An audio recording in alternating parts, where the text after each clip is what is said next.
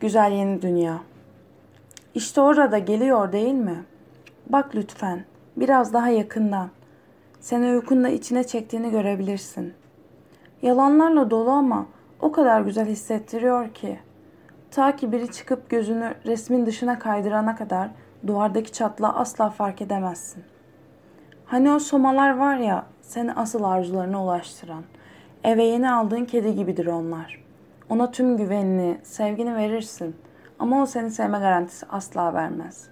Sadece ona ilgi gösterecek birini arar. Cesur yeni dünyaya aşk koymamışlar çünkü aşk insanı yolundan çıkartır. Seni sendeletir. Ve birey hissederse toplum sendeler. Sonra vahşi derler, seni kayırırlar çünkü yeni şeyler her zaman içinde tehlike yaratır. Sense aşkın seni içine çekmesini istersin sadece. Ama söyleyeyim, o yolun sonu peri masalına çıkmıyor. Orada gerçekliğin ta kendisi var. Gerçeklik ise sadece acıyla var olur. Toplum seni dışlar. Sana hükmedenler asla düşünmeni ve görmeni istemez. Onlar ki seni çok mutlu olduğuna inandırıp yalandan yaşatanlardır. Eğer düşünmezsen var olamazsın. Düzene ayak uydurmaya çalışırsan tökezlersin. Hiçbirimiz bir yalanı yaşayacak kadar salak değiliz çünkü. Ve farklılıklara inanmazsak onlar kazanacak.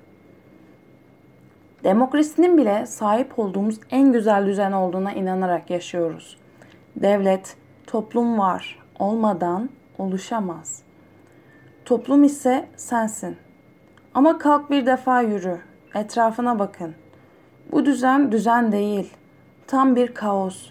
Ve sen sesini çıkarmaya çalıştığında seni yutuyor. Ütopyaların var olmasını isteriz değil mi?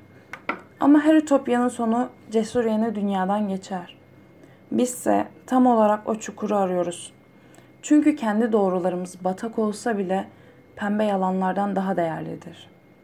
İsyan olmadan da o yalanlar üstümüze siner ve sonra da vahşi gibi kendi ölümümüzü bekleriz.''